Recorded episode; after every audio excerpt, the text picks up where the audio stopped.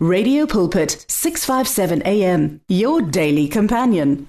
Hello, welcome to the show. My name is Pastor Kenny Mukwena. And it's time for you to experience the blessing. Father, we thank you so much for this opportunity once again to sit under the ministry of your word. We thank you, Father, that your word is anointed. Your word carry power to take us to another level that we have never been before. Your word is living, it is alive in the inside of us. It never delays. We give you praise, glory, honor, and majesty in Jesus' name. Amen and amen. Welcome to the show. My name is Pastor Kenny Mukwena, and it's time for you to experience the blessing.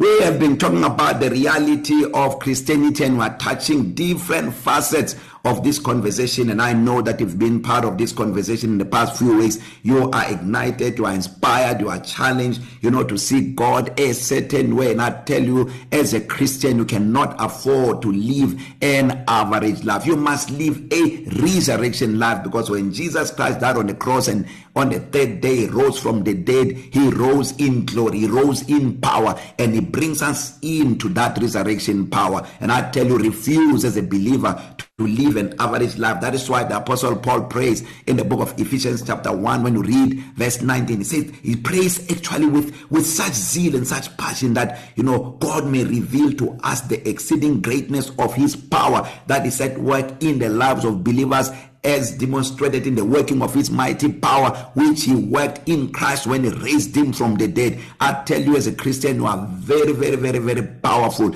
You are extremely extremely extremely powerful. And you must want god to you know give you that experience as a christian. Christianity is an experience. I tell you do not live this life without experiencing christianity. It's just it cannot be formed but void of power. So we we call ourselves christians because we go to church we pray before before we eat, we pray before we sleep, and we read one or two verses before we sleep. That is not Christianity. Trust me, it is not. It does not even begin to describe Christianity. Christianity is deeper than that. So many people do not know that Christianity actually start not just when we are born again. Well, well, well. Let's let before to avoid controversy. Let's say Christianity starts when we are born again, but let's agree that that just become a starting point. That will not give you any power by just getting into Christianity and like so many people, they just entered Christianity. They never proceeded from that. Remember what the Apostle Paul said to Timothy. He said, "God wished that everyone." Everyone be saved and come to the knowledge of truth.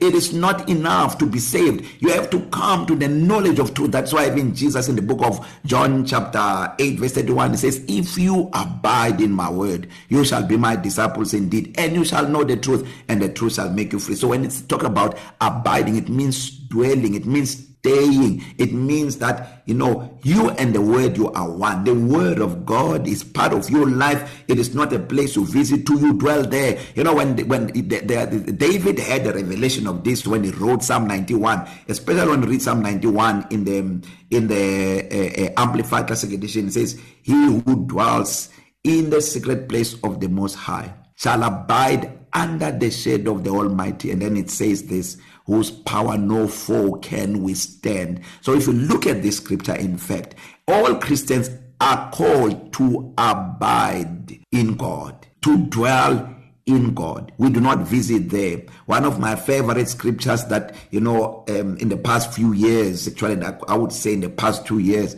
that has been uh, one of the scriptures that I uh, that I've embraced is First Corinthians 1 verse 9 it says God is faithful by whom we have been called into koinonia or into fellowship with his son listen as a Christian you cannot call yourself a Christian and you do not know Christ. Well, it's good to call yourself a Christian when you are entering Christianity, but if you enter Christianity and you get stuck in entry level, you cannot claim to be a Christian because when we say you are a Christian, we mean you are like Christ. It means you embrace the values of Christ. It means you growing into maturity to resemble who Christ is in thought, in character, and in conduct. And if you cannot grow to that level, you remain a babe in the things of God, a babe in the things of God. Remember, to be mature in the things of God does not mean that you have been a Christian for so long. There are many people have been Christians for years, but their life do not define true Christianity. Listen, true Christianity is when Jesus Christ begin to manifest in your life.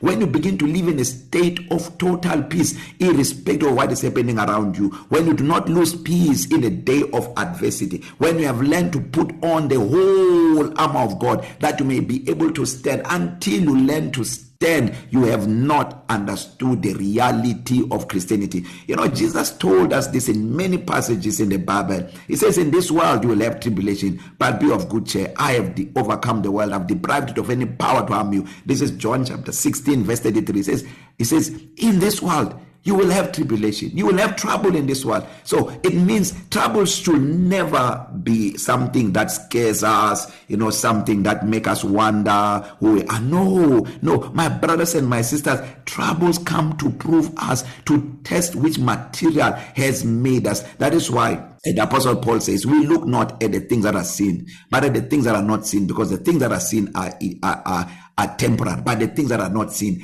are eternal. You and I, men, we are made of heavenly material. We don't cave in in the day of adversity. We realize who we are. We keep on growing. We keep on growing. You know, one of the things that I that that I believe I am called for is to strengthen the church, is to inspire the church to live the God life. You know, when Jesus was speaking to the victory, um, uh, uh, he, I believe that it, it, it, what is said to the victory um, it benefited a whole lot of us because it brought us into who he was. But there are so many things that Jesus Christ did um, because Jesus was the, the way he spoke to the fig tree. That's exactly how how he was. His life was was was reflecting the God of heaven and earth, the creator of heaven and earth. You know, that's why John, when he writes um, uh, about Jesus, he says, if the things that he did were written in books. He says, not even the whole world will be able to contain the books. Can you imagine? This is a man who lived on this earth for only 33 and a half years.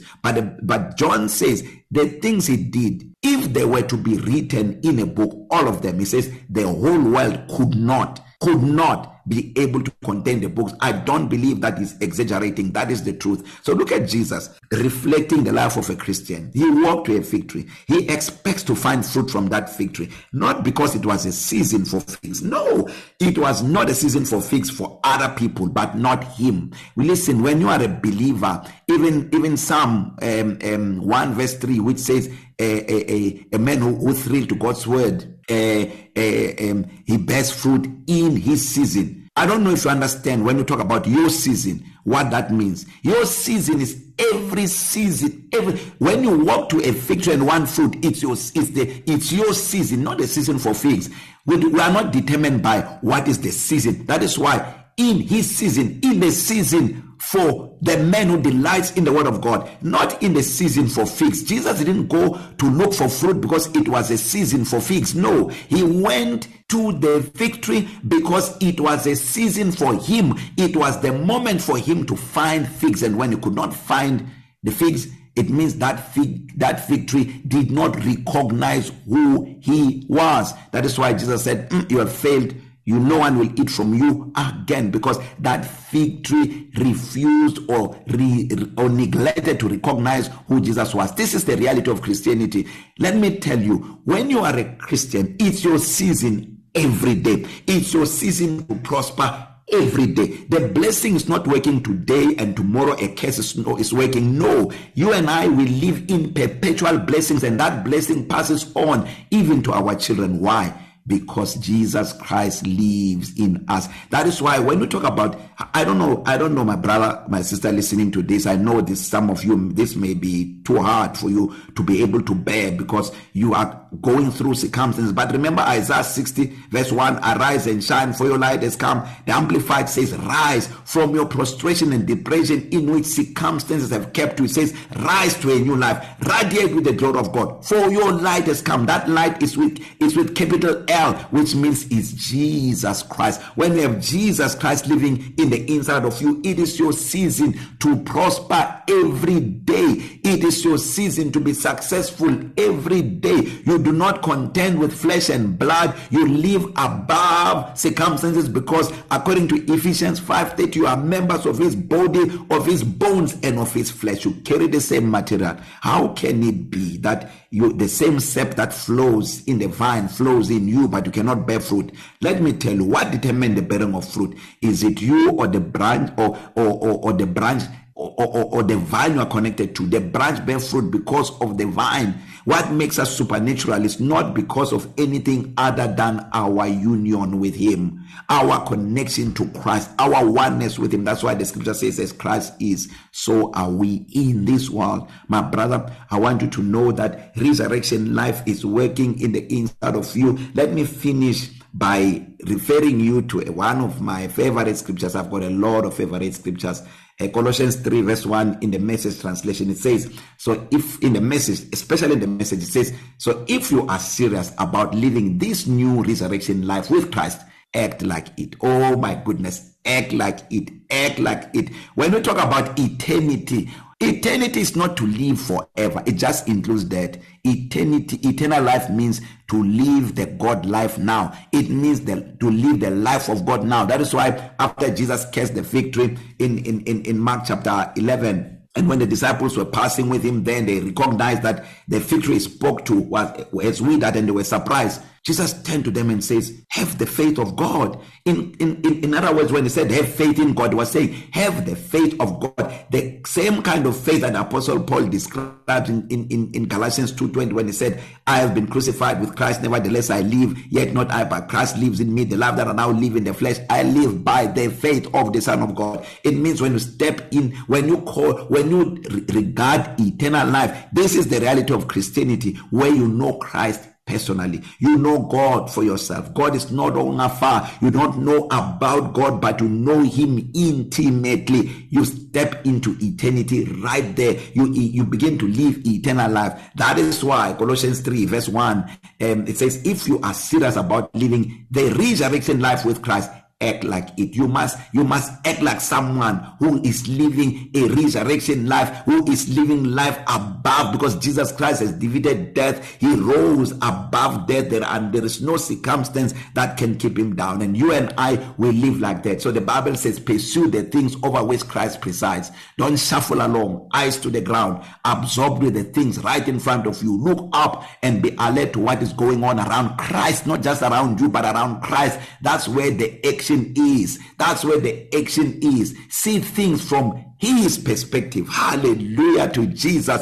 If you can understand the gospels when you read the gospel, how Jesus calmly carried himself, how he did what he did, man, never found in an awkward position. How can we accept to be found in awkward positions? How can we escape accept to be to be to be perpetual in one struggle after another and say, no, it's good for Christian to be like that. It is not good for Christian to be like that. Refuse to find yourself in trouble. There are people who says, no, I'm standing on faith when they are falling into pieces. Everything is falling apart but they are saying they are falling they are they are standing in faith. But there is no word in the inside of them. When you listen to them you cannot hear faith. No you cannot hear faith if you do not dwell in faith. When you talk about abiding those who dwell in the secret place to dwell in the secret place it talks about the things that you do when people are not watching where you are alone with God that is the secret place. Where you are fellowshipping with him where he imparts himself into you where he ignites your spirit with himself. That when you go out there that's why the apostle Paul says to Timothy meditate on these things. Give yourself wholly to them that your profiting may appear to all.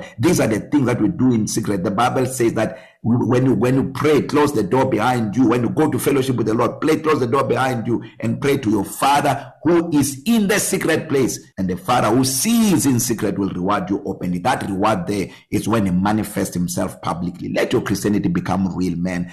Let it be real. When people look at you before you even tell them i'm a christian they must recognize they must define christianity by looking at your life. I've run out of time. Father i just want to thank you for every person under the sound of my voice that every person who's not born again they give their life to christ now in the name of jesus christ. So if you are not saved make this prayer with me. Say lord jesus i receive you now as my Lord and my Savior. Amen and amen. If you made that prayer born again, or my brother or my sister, I will see you in heaven. God bless you. I love you so, so much. Please send me a WhatsApp message and request for a free salvation material at plus two seven six six zero six six zero two five zero plus two seven six six zero six six zero two five zero, and I will send it to you right away. Love you so much. God bless you, and may you experience the goodness of the Lord every moment of every day. God bless.